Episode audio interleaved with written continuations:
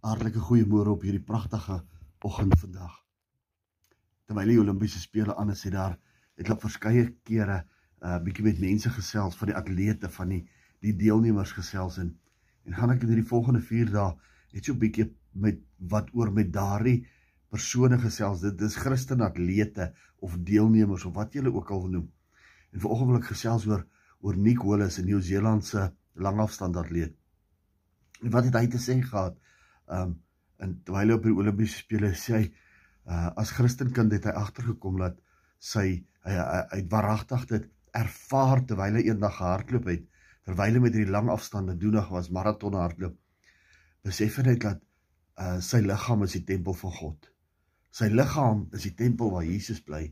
My boetie en my sussie en, en dit is so waar want 1 Korintiërs 6 vers 19 sê vir ons dat um ons liggaam is eintlik die tempel van die Heilige Gees en laat ons nie moet vergeet dat ons nie aan onsself behoort nie, maar ons behoort aan God omdat ons kind van God geword het. Ek wonder ek myself toe so um en ek praat baie hard met myself vandag. Uh uh hoe kyk ons na hierdie tempel? Hoe kyk ons na hierdie plek waar waar God eintlik woon? Hoe bly, hoe kyk ons na hoe sorg ons vir hom? Uh, want kom ek agter dat en ek weer eens myself ons verniel baie keer hierdie tempel baie lekker. Ons ons ons gee hom nie so lekker goeie kos nie. Ons ons druk nogal alles by hierdie ouetjie in. Ehm um, vele van ons en ek sê ons, maar vele van ons. Ehm um, en daar waar ek dalk nou misstap want ek druk te veel kos in my mond in, uh, is daar ander wat weer nie oefening kry nie. En dalk is daar mense wat nou die oefening kry maar hulle eet nie reg nie. En dalk is daar ook nou ander wat ander gewoontes het wat die tempel van die Here negatief beïnvloed. En so vra ek jou vanoggend, hoe wat doen jy met jou tempel?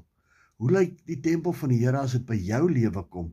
Ek het 'n paar dinge geïdentifiseer en het ek 'n uh, besluit gemaak, maar onthou ek het nog net besluit, ek het nog nie begin nie. Um en en daar staan ek nog skuldig, ek moet nog begin, maar ek het nou darmal 'n datum. Die 1 September is ek weer op die pad. Um en ek het dit vasgemaak saam met my ou vriend uh Tommy Fourie ek kan hy begin weer die 1 September bietjie stap. Maar waarmee het ek en u te doen? Waarmee het jy te doen? Wat is daar 'n verandering wat jy kan doen in jou lewe om die tempel van die Here bietjie op te knap?